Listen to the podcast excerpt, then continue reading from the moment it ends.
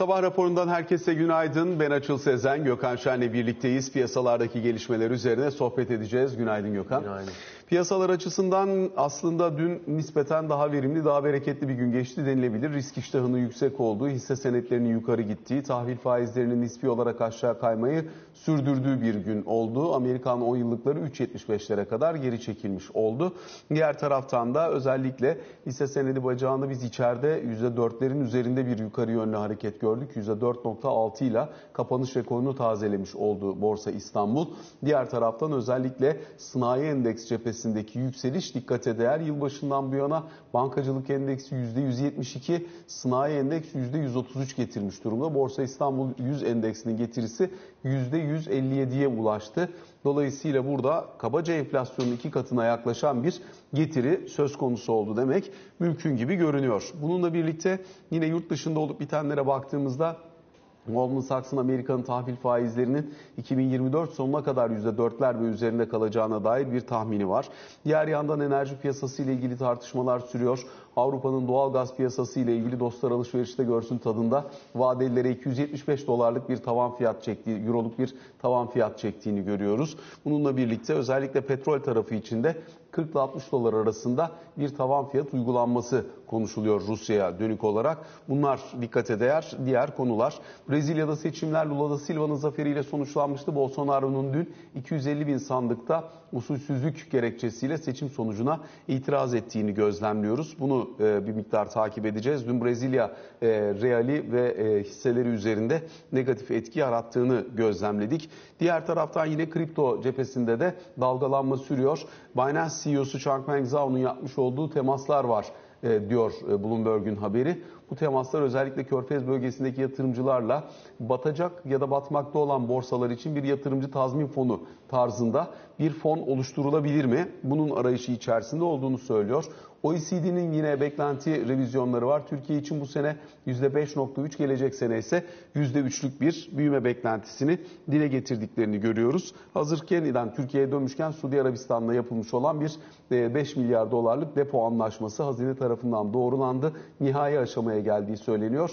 Aslında biz yaz aylarının sonundan bu yana bir takım finansman görüşmelerinin, müzakerelerinin olduğuna dair haberleri görüyor, aktarıyorduk. Dün itibariyle 5 milyar dolarlık bir depo hesabı üzerinden bu işin gerçekleştirileceği yönünde bir duyumu almış olduk. İstersen bir bununla başlayalım. Ee, tabii şeyini bilmiyorum yani e, büyük bir anlaşmanın parçası olarak mı e, geliyor yoksa rezervleri e, şişkin göstermek için mi e, ona bakmak gerekir. Tabii e, bu işin herhalde orijinaline dönmek lazım çünkü bu işin orijinali e, bir iki sene önce başlayan işte 120-128 milyar dolar nerede diye e, muhalefetin en son e, tüm rezervler harcandıktan sonra e, bir kampanya şeklinde sorduğu ve Türkiye'de politik bir konu haline gelen e, rezervlerin o günden bugüne artırılma çabası yani hikaye orada başlıyor. Tabi rezervlerin yönü e, ve istikameti e, tabi şey önemli ve kurun değeri üzerinde e, mutlaka ki bir rol oynuyor. Fakat başkaca e, güçlü faktörler devreye girip örneğin siz sermaye akımlarının işte e, bir yönünü iptal edip kalan yönünü de epeyce kısıtladığınızda ya da buradaki fiyatlama bittiğinde ya da kur rejimi yani dalgalıdan yönetilen bant sistemine döndüğünde aslında rezervlerin büyüklüğünün çok önemi kalmayabiliyor. Ayrıca e, rezervlerin büyüklüğünün önemi bir yana rezervlerin büyüklüğünün bileşimi de çok önemli bir konu. O da şu yani işte ABC merkez bankalarından işte mevduat ya da swaplarla e, berkitilmiş bir sistem yerine e, bilindik kanallarla Merkez Bankası tarafından e, toplanmış rezervler arasında ciddi farklar var.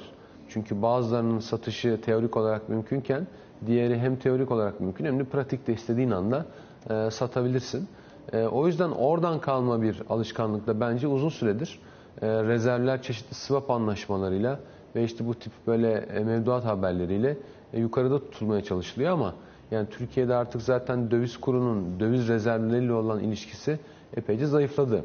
Ayrıca Türkiye'nin rezerv yönetiminde devamlı olarak ihracatçılardan aldığı e, paraların ihracat girdilerinin de e, piyasaya sürekli Merkez Bankası kanalıyla e, satılması daha önce de kamu bankaları üzerinden farklı bir sistemle satılmış olması zaten buradaki şeffaflığı çoktan ortadan kaldırdı. Ne kadarlık satış yapıldığını da bilmiyoruz. Ancak tahmin edebiliyoruz. Mesela geçen sene herhalde bir 10 ayda yaklaşık 90 milyar dolarlık döviz satışı olmuştur e, demiştim ben. E, en son işte baktım Haluk ve e, Bloomberg'te de işte 98-100 milyar dolara yakın tahminler var. Yani 3 aşağı 5 yukarı benziyor. Ama bilmiyoruz. Yani tahmin ediyoruz, hesaplamaya çalışıyoruz. O yüzden diyorum yani oradan başlamıştı bu hikaye. Şimdi o alışkanlıkla muhtemelen e, devam ediyor. E, bu işi muhtemelen de politik taraf götürüyor. Belki Cumhurbaşkanı karşılıklı görüşmelerinde konuşuyor vesaire. Ee, ama tabii şeyi anlatmak lazım yani. E, politikacılar artık bunlarla yormamak lazım. Çünkü hani 5 milyar dolarlık mevduatın burada olmasının ya da işte Katar'ın, Çin'in yerel paralarla ticareti artırmadığı sürece e, karşılıklı swaplar yapılıyor olmasının döviz rezervine, e, dövizin algısına ve dövizin kendisine de herhangi bir etkisi yok. E, o yüzden artık bundan vazgeçmek lazım. Bunun teknik olarak e, görüntüsü nasıl olur diyecek olursan anladığım kadarıyla bu net rezervleri e, artırmayacak bir şey. E, daha ziyade brüt rezervleri çünkü aynı zamanda bir yükümlülük olarak da geliyor. Yani bir merkez bankasına borçlanıyorsun fakat içeriye e, döviz girişi oluyor. O yüzden de herhalde geçen günlerde Sayın Cumhurbaşkanı 120 milyar dolarlarda ay sonuna kadar 130'a çıkaracağız demişti. Herhalde brütten zaten bahsediyordu. Bu da zaten brüt rezervleri artıracak bir şey. Ama dediğim gibi yani hikaye buradan başlamıştı. Oradan başlayıp buraya kadar gelmişti. E, fakat yani bir, bir şeyi yok. Yani piyasada e, bunun karşılığı yok. Normal şartlarda e, bizim istediğimiz şey dövizin piyasaya deyip yani piyasada bozulup işlem görüp ondan sonra bir şekilde Merkez Bankası'nın kasasına depo edilmesi. Bu döngü sağlandığı takdirde yani gerçekten işlem halinde dönüşerek Merkez Bankası'nın rezervleri arttığı takdirde ancak o zaman e, bunu vatandaşlar, piyasa, hissedebilir. Onun haricinde iki tane Merkez Bankası'nın ya da para otoritesinin karşılıklı olarak birbiriyle açtığı elektronik hesapların e, artması azalmasıyla e, döviz dengesine ya da dövizin fiyatına e, herhangi bir etkisi olmayacaktır. Dün de olmadı zaten. Ee, Sentetik o, oluyor işte anlaşma. E, kesinlikle yani onu demeye çalışıyorum. Ee, hem yani bu politikacılara anlatılabilirse ya eskiden hani belki bir kıymeti vardı hem politik olarak hem de rezervler feci durumdaydı. Yani biraz belki şişirmek gerekiyordu. Ama bugün çok önemli kalmadı. Dolayısıyla yani politik görüşmelerinizi de gündeme getirmenize gerek yok. Hiç olmazsa bir koz bize geri dönmüş olur. Yani sonuçta bu bir isteme yani değil mi? Yani istiyorsun bana bir 5 milyar 10 milyar neyse oradaki konuşma. Ee, yani hiç olmazsa bunu istememiş oluruz. Yani onu demeye çalışıyorum. O bakımdan e, kur üzerinde herhangi bir etkisi olmayacaktır. E, kur üzerinde zaten herhangi bir e, şey akışından, haber akışından ziyade Merkez Bankası'nın kuru o ay sonunda e, nereye getirmek ya da o ay sonunda nerede görmek istediği önemli. O yüzden takip edilmesi gereken bu. Türkiye'ye tabi e, net hata noksan kalemiyle müthiş bir giriş yaşandığı için yani cari açın neredeyse üçte ikisi buradan fonlanıyor. E, aynı zamanda ihracatçı dövizleri de işte bazı ihracat e, modelinde yüzde 40 bazılarında yüzde 70 yani nasıl fonlandığına göre değişiyor. Rezervlere katılıp tekrar piyasaya geri satılıyor. E, belki yani recycle ediliyor, geri dönüşüme sokuluyor. O bakımdan da e, Türkiye'nin döviz rezervlerinde bir artış var. Tabii gelecek yılda yani 2023 yılında ve bu yılın sonunda da acaba bu net hata noksan kalemiyle güçlü girişler devam edebilir mi? Yani Rusya devamlı olarak bize bir 20 milyar dolar e, yollayabilir mi? Yollayamaz mı? Dövizin seyrini birazcık da bu belirleyecek açıkçası e, gelecek sene. Bir de tabii ki enerji fiyatlarındaki e, gidişat belirleyecektir. E, şey bu yani görüntü bu. Şimdi tabii özellikle burada e, hani dikkat çekmek gereken şey Merkez Bankası dolar TL üzerinde belli bir stabilite e, ve işte 18.58 18.62 arasında çok dar bantta yaklaşık bir buçuk aydır gidiyor. Ee, Euro TL tarafı daha hareketli oluyor. Ee, orada bir set yok gördüğümüz kadarıyla. Euro TL 19.22'lere geldi. Dolayısıyla hani sepet olarak baktığın zaman bir nispi değer kaybı var. İş dünyasının burada dile getirdiği özellikle ihracatçı kesiminin son dönemde dile getirdiği konular var. Ee, bunu hem Türkiye İhracatçılar Meclisi Başkanı Mustafa Gültepe bizim yayınımızda anlattı. Hem aynı zamanda Şekip Bey İstanbul Ticaret Odası Başkanı benzer şekilde dile getirdi. Dolayısıyla hani bir enflasyon kadar Türk lirasında e, değer e, kaybı olması gerektiğini, öbür taraftan eğer bu gerçekleşmezse reel kur açısından, e, reel efektif kur açısından Türk lirasının değer kazandığını, bunun ihracatı zorlar niteliğe doğru taşıdığını söylüyor. Bunun arasında sıkışmış bir ortam var şu anda. Çünkü hani kurdaki yükselişin dizginlenmesi hane halkının oyuna, oyuna dönüşünü engelliyor. Dolayısıyla bu Merkez Bankası'nın tutması gereken yer. Ama öbür taraftan zaten bu sistemin önceliği ihracatı artırmak, ihracatı öncelemekti. Dolayısıyla burada Türk lirasının enflasyonun çok yüksek olduğu ortamda stabil kalmaya devam etmesi ister istemez Türk lirasını reel efektif olarak değerlendirmiş oluyor. Ee, bunun da yaratmış olduğu bir ihracat sorunu söz konusu olacak gibi görünüyor. Başta hazır giyim olmak üzere de birçok marjı dar sektörde doğrudan etki yaratmaya başladı gibi görünüyor. E başlamıştır tabii. Şimdi sen yokken Zeynep'le de konuştuk. e, bu kur korumalı mevduat ilk çıktığında yani ilk durumu değerlendirip sonra şöyle konuştuğumuzu hatırlıyorum. Şimdi öyle bir nokta gelecek ki yani Merkez Bankası'nın kur üzerindeki mutlak hakimiyeti artık tartışılmaz olacak ve kurdaki değer kaybı dizginlenecek. Fakat e, para politikasındaki yanlışlardan ötürü e, şöyle bir seçim yapmak zorunda kalacağız.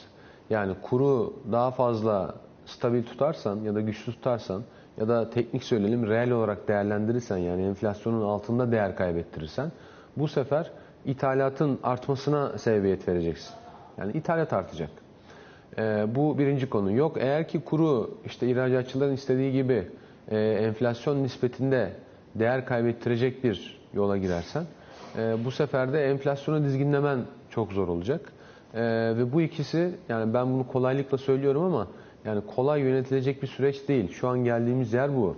Bugün dünyada e, kuru reel olarak değerlenen e, ender ülkeler var. Bunların başında Türkiye geliyor. E, bu kadar değersiz bir kura sahip olmamıza rağmen söylüyorum. Şu an yani reel ticaret bazlı olarak bakarsan tek gelişen ülke kuru, reel olarak kuru değerlenmiş ve overvalued kabul edilen yani değerinin üzerinde kabul edilen tek kur Türk lirası.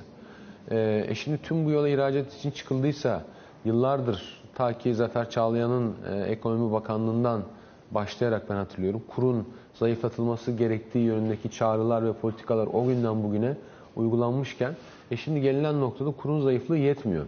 Onun da sebebi şu. Zaten kuru devamlı olarak devalüe ederek yani rekabetçi bir şekilde kura değer kaybettirerek ihracatı e, ila nihai arttırmak mümkün olsaydı bütün Asya ülkeleri bunu yapıyor olurdu. Onlar belli yıllarda belli bir şeye yarışa girip sonra bunu bıraktılar. Yani ihracatta kurun değer kaybetmesinden gelen değer ardından e, enflasyon ve kur üzerinde yeni baskı yaratarak senden tekrar gidiyor. Dolayısıyla bir sarmala giriyorsun. Ya devamlı olarak kura değer kaybettireceksin. Özellikle de enflasyon nispetinde ve dolayısıyla ihracatçıyı rekabetçi tutmaya çalışacaksın sadece kurla. Ya da e, bir noktada vatandaşın canının yandığını görüp buna e, bir kesik atacaksın. Fakat tabii devamlı olarak değer kaybeden kur yani kötü bir örnek vermek istemiyorum ama keyif verici manda gibi diyeyim hadi. Yani şimdi bu böyle bir ortamda yani o rüyadan uyanman falan mümkün değil. Çünkü kur devamlı değer kaybediyor. Senin inovasyon yapmana gerek yok, yeni müşteri bulmana gerek yok, hiçbir şey yapmana gerek yok aslında. Yani işte ne satıyorsan bugün 1 lira, yarın 2 lira, ondan sonra 3 lira. Bu aynen işte parasal genişleme gibi, faizlerin düşmesi gibi. İşin özüne ilişkin hiçbir değişiklik yok. Fakat işin özüne dokunmadan e, devamlı olarak satışlarını arttırıyorsun ama bunun sonu yok. Çünkü burada birileri o yükü katlanıyor. O birileri de işte fonlama tarafında bankalar e, toplam servetten aldıkları payın azalmasıyla da vatandaşlar.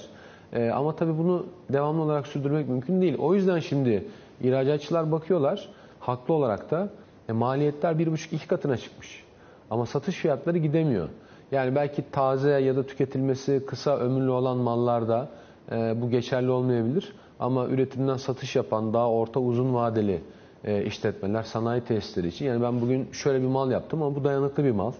2 sene, 3 sene bekleyebilir. Dolayısıyla bu fiyatlarla ben bunu bekletiyorum diyenlerin sayısı günden güne artacaktır. Mecburen artacaktır. Yani bunun e, kaçarı yok. Çünkü şey ortada, üfe ortada. Yani bu tüket, üreticilerin satış fiyatları, satmak istedikleri fiyatlar ortada. E bir yandan enflasyon, maliyetler de ortada. İthalat kanalıyla gelen maliyet de ortada. E bunu sen nasıl yakalayacaksın? Yani ya sattığın ürünün işte bir şekilde nevini değiştirmen, maliyetleri aşağı çekmen farklı yollarla e, o da mümkün değil. E, yılbaşında ne kadar asgari ücret zammı gelir bilmiyorum.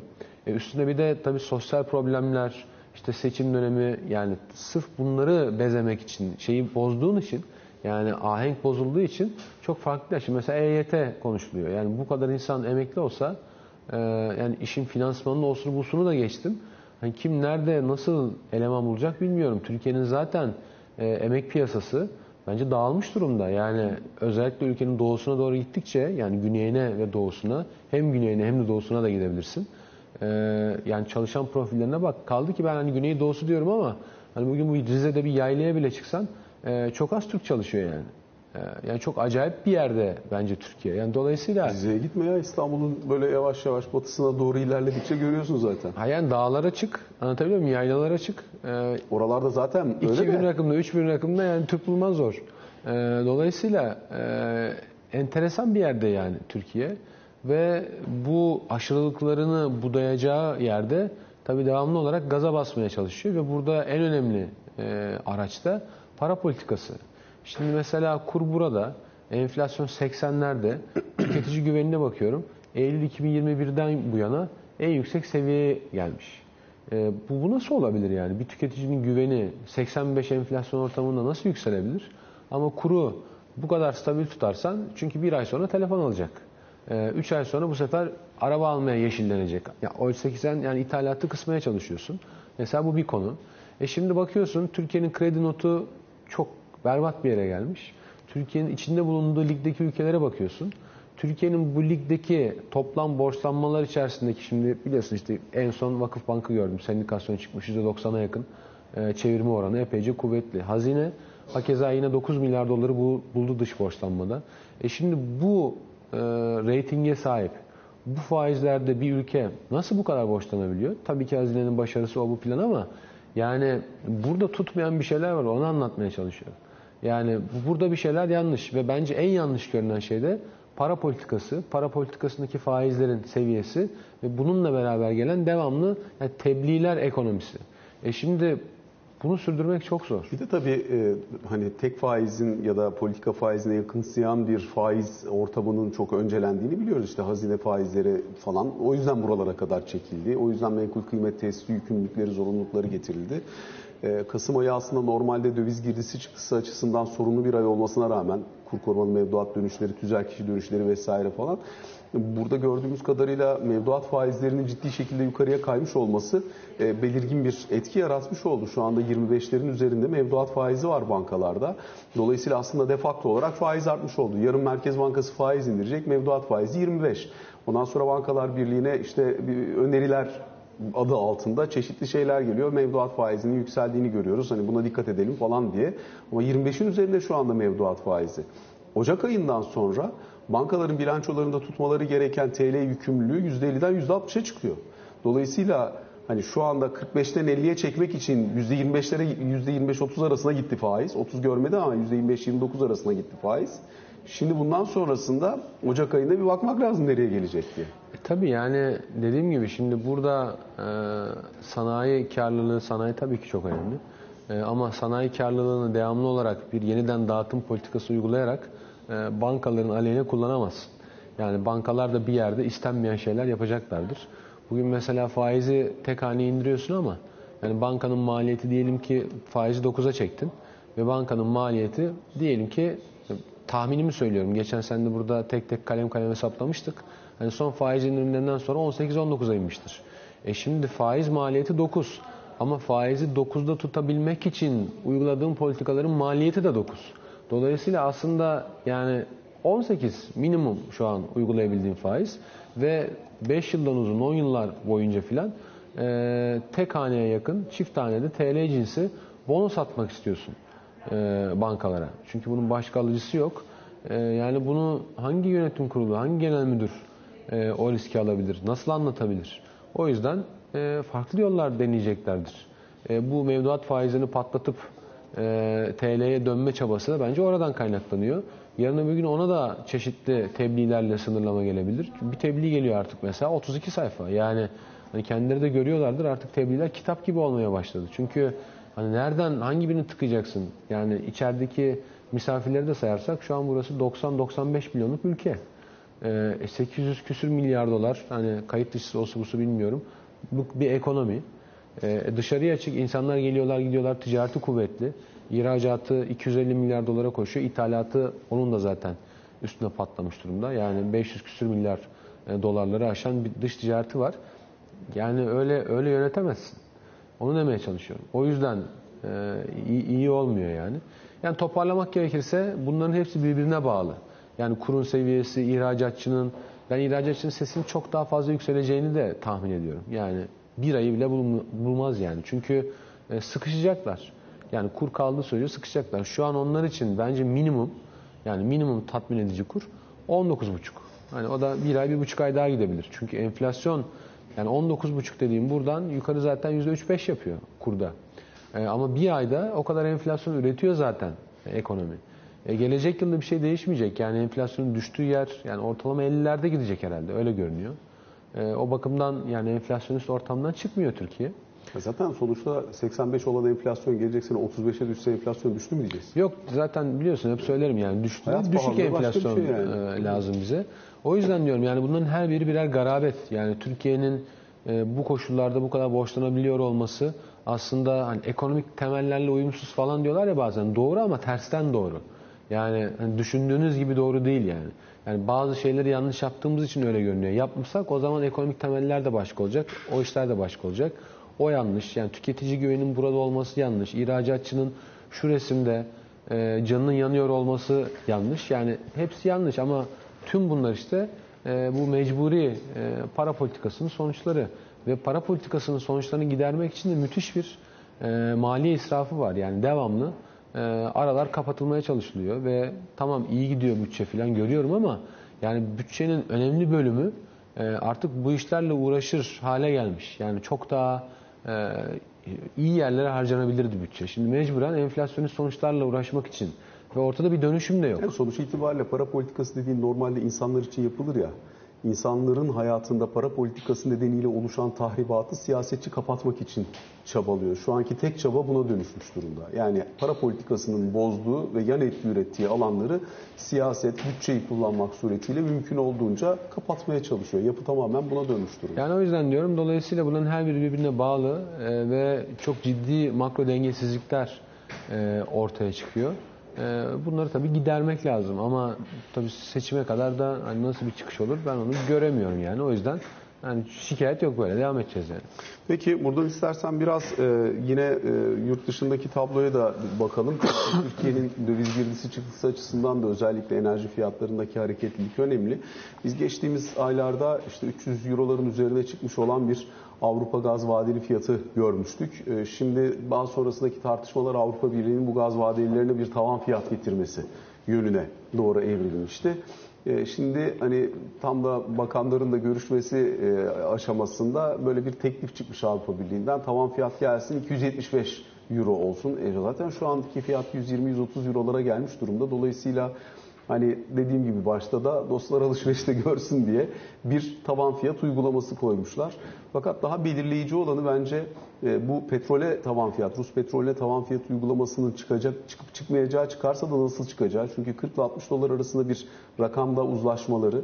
Eğer bu uzlaşma gerçekleşirse ve buraya bir tavan fiyat gelirse bu tavan fiyatın üzerinde yapılan herhangi bir satışta e, Avrupalıların ne gemi taşımacılığı, ne sigortacılık, ne diğer e, bu işin taşımacılığı için gerekli aktiviteye müsaade edeceği yönünde bir tartışma dönüyor. Sanki işin hani gaz tarafı geride kalmış da bu petrol tarafı daha büyük mücadele alanına dönmüş gibi duruyor. Ee, yani nasıl kurgulanır onlar çok emin değilim. Sonuçta gaz fiyatı da e, aslında bir yerde petrole bağlı. Bir kez zaten e, aynı cins petrolleri arada tabii minör farklar var ama yani aynı cins petrolleri farklı cins kabul edip farklı fiyatlamak tabii piyasa e, dinamiği içerisinde de e, çözülemeyecek bir durum. E, yani niyeti anlıyorum. Sonuçta e, Ruslar bu işten para kazanacaklar onu anlıyoruz. Ee, en azından bu geçiş sürecinde de kazanmaya devam etsinler ama hani şu kadar da kazanmasınlar demek istiyorlar. Fakat tabii yani Rusların bu varilleri piyasaya sürmediği durumda e, senle de geçen hesabını yapmıştık yani bir ham petrol var. Bir de işte dizel, jet yakıtı filan gibi e, farklı enstrümanlar var. Yani çok kabaca söylüyorum. Günlük yaklaşık 3-3,5 milyon varilin piyasadan e, silinmesini konuşuyoruz aslında.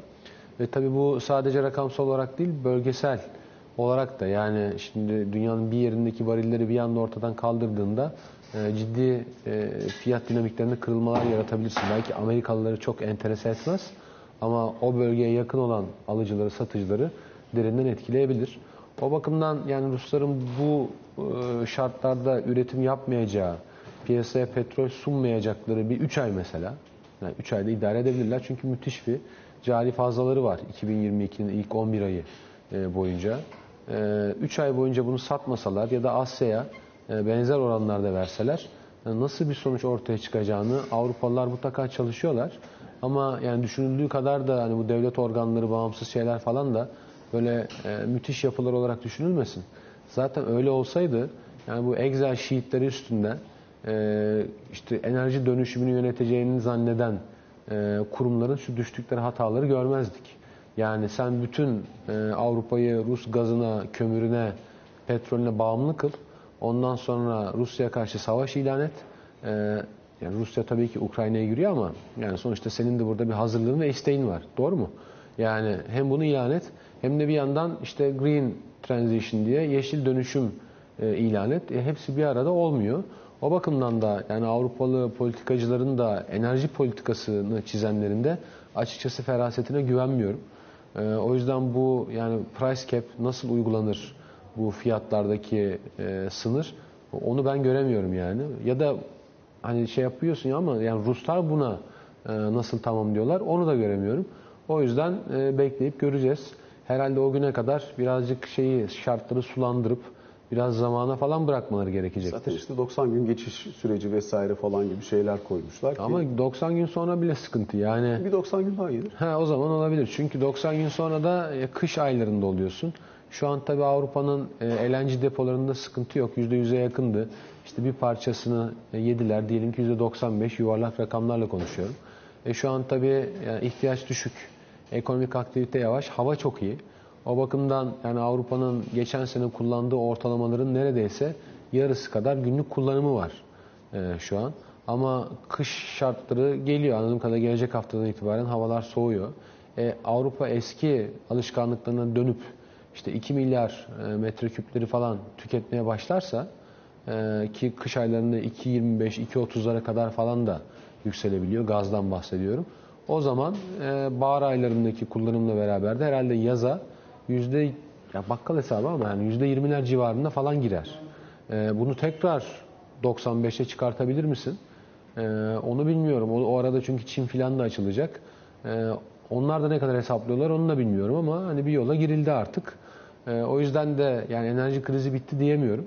Ama yani bu kış rahat geçecek. O bence ciddi bir güven veriyor.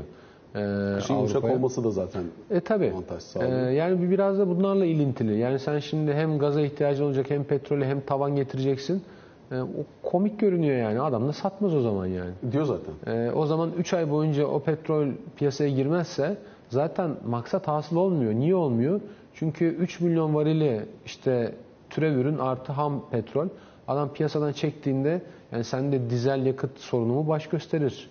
Ee, uçağına yakıt mı bulamazsın onu bilmiyorum ama yani bunlar bu gibi şeyler ortaya çıkar. Ee, rafineriler arasında enteresan işler ortaya çıkar ve bunların fiyatı patlar. Yani şu an kaç şu an Brent petrolün varili bilmiyorum ama 88. 88 ise mesela bir anda üstüne 10 dolar koyar. Ee, adam da der ki işte Çin'e Hindistan'a onlar zaten böyle durumlardan faydalanmaya da e, alıştılar yani son zamanda. 98'den değil de ben size 78'den veririm der. İşini görür yani bu fiyatlardan. Yine e, o keplere, o sınırlara uymaz. E senin zaten Hindistan üstünde bir yaptırım gücün yok. Çünkü Çin'e karşı bölgede e, tek dengeleyici o. Tek dengeleyici olarak onu kullanmak istiyorsun. O da bütün pastaların çileklerinden yiyor. Ben tamam dengeleyici olayım diyor. Gel iPhone'u da burada üret diyor. Petrolü de ucuza alayım diyor Rusya'dan. Yani hiçbirine e, hayır demiyor. Bilmiyorum çok zor görünüyor açıkçası. Yani keşke olsa hepimiz petrolü az ödesek. E, ama bana biraz hayal keşke gibi geliyor. Keşke hepimiz Hintli olsak diyorsun. Keşke. Kısa bir ara sonra yeniden karşınızdayız. Alican Türkoğlu da bizlerle birlikte. Alican günaydın. Günaydın. Özellikle Türkiye'nin sınır ötesindeki hava operasyonu ile ilgili olarak Amerika Birleşik Devletleri'nden ve Rusya'dan gelen tepkiler var. Bir miktar bunlarla e, değerlendirme yaparak başlıyor. Ee, Şimdi zaten iki ülkeden de bir açıklama gelmesi bekleniyordu. Ee, Özellikle Cumhurbaşkanı da operasyon öncesinde, harekatlar öncesinde Biden'la da Putin'le de görüşülmediğini e, vurgulamıştı. Şimdi önce hem Kremlin'den hem Pentagon'dan açıklamalar var. Kremlin e, meşru güvenlik endişelerine Türkiye'nin saygı duyulduğunu vurguluyor ve e, bölgedeki tüm tarafların da Suriye'ye zarar verecek adımlardan kaçınması gerektiğinin altını çiziyordu. Ama Pentagon'un açıklamasında e, ana amaç Suriye'de gerilimin azaltılması ve DAEŞ'in yenilgiye uğratılması diyor ama Irak'la ilgili yani Irak'ın kuzeyinde devam eden operasyonlarla ilgili olarak e, koordinasyonsuz askeri eylemlere karşı çıkıyoruz açıklamasında bulunmuştu. Dolayısıyla e, Türkiye'nin bu harekatına destek vermeyen, vermeyeceği yönünde aslında yorumlanabilecek bir değerlendirme yapmıştı.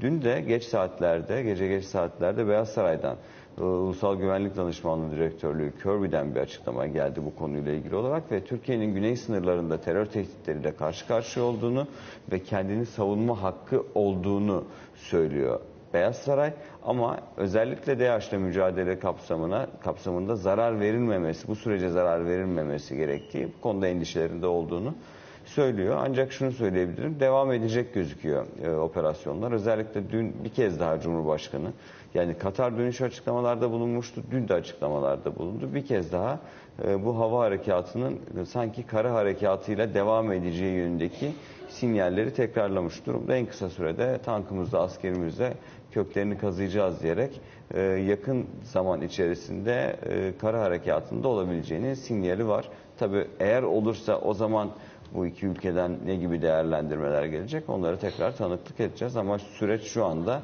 e, harekatın devam edeceği ve terörle mücadele konusunda e, bu operasyonun kara harekatıyla devam edeceği yönünde bir beklentiye dönüşmüştür. Diğer taraftan yine Cumhurbaşkanı Erdoğan'ın Katar'da Sisi ile birlikte vermiş olduğu fotoğrafın e, dün itibariyle de hem grup toplantılarında hem siyasi e, siyaset sahnesinde çok çok tartışıldığını görüyoruz. Bir miktar istersen bunu da değinelim.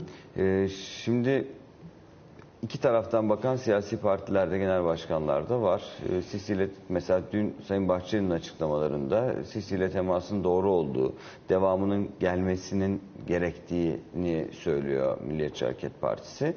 Ee, muhalefet partilerinden ise özellikle Millet İttifakı tarafından da bugün de muhtemelen Sayın Akşener benzer açıklamalarda bulunacaktır. Ee, ilişkilerin zamanında neden bozulduğu, şimdi nasıl bu noktaya geldiği gibi süreçle ilgili eleştiriler de var. Tabii bunlar siyasetin konusu. Ee, biraz daha e, yoğun şekilde de tartışılacaktır seçim öncesinde ama benim e, özellikle dikkat çekmek istediğim konu ki dün de e, bir, bir nebze de olsa değinmiştik. E, bu süreç sonrası yani Sisi ile el sıkışma sonrası Türkiye-Mısır ilişkilerinin olumluya evrileceği konusunda beklenti yüksekken e, acaba Esad'la da bir görüşme veya bir el sıkışma, bir temas gerçekleşir mi yönünde sorular daha sık sorulmaya başlandı. Şimdi son birkaç ayı hatırlayalım. İşte e, Birleşik Arap Emirlikleri, Suudi Arabistan, İsrail, Mısır e, şu anda son dönem içerisinde Türkiye'nin arasının bozuk kaldığı tek veya e, olumluya dönüşeceği konusunda sinyalin az olduğu tek ülke Suriye kaldı. Dolayısıyla yakın zaman içerisinde Esad'la da bir görüşme olabilir mi sorusu daha fazla sorulmaya başladı ki benim e, şahsi kanaatim olabileceği yönünde. E, hani nasıl olur? Nasıl bir temas gerçekleşir? Çünkü yaklaşık iki, iki buçuk senedir e, istihbarat örgütleri arasında zaten temasın olduğunu biliyoruz Türkiye ile Suriye arasında. Ancak çözülmesi zor olan, en azından ilk aşamada çözülmesi diğer konulara oranla daha zor olarak görülen başlıklar var. İşte Türkiye'deki, e, Türkiye'nin desteklediği ve Türkiye'de bulunan e, Esad muhalifleri. E, Türkiye'de bulunan mültecilerin nasıl geri döneceği konusundaki durum. E, YPG PKK ile mücadele konusunda Şam rejiminin Türkiye ile aynı görüşte olup olmadığı gibi üç ana başlık var. Ama beklenti burada, Ankara'nın da beklentisi keza bu yönde. E, Türkiye ile Suriye arasında da bir normalleşme sürecinin hızlı bir şekilde başlayabileceği yönünde. Bunun nasıl olacağı belli değil ama özellikle Rusya'nın Putin'in ev sahipliğinde veya Rusya'da olabilecek bir e, konferans toplantı sırasında iki e, ismin yani Cumhurbaşkanı Erdoğan'la Esad'ın bir araya getirilebileceği yönünde bir beklenti var Ankara'da. Bunu da buradan söylemiş oldum. Teşekkür ediyoruz. Böylelikle sabah raporuna son noktayı koymuş oluyoruz. Hoşçakalın.